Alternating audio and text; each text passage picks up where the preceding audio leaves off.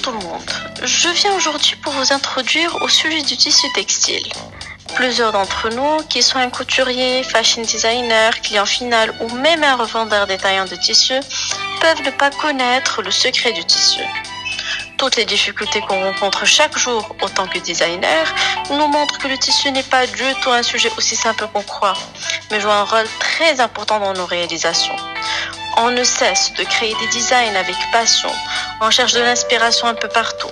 On perd de l'énergie et surtout beaucoup de temps pour en fin de compte acheter quelque chose qu'on croit être le tissu qu'on veut. C'est pourquoi il faut connaître et bien étudier le tissu.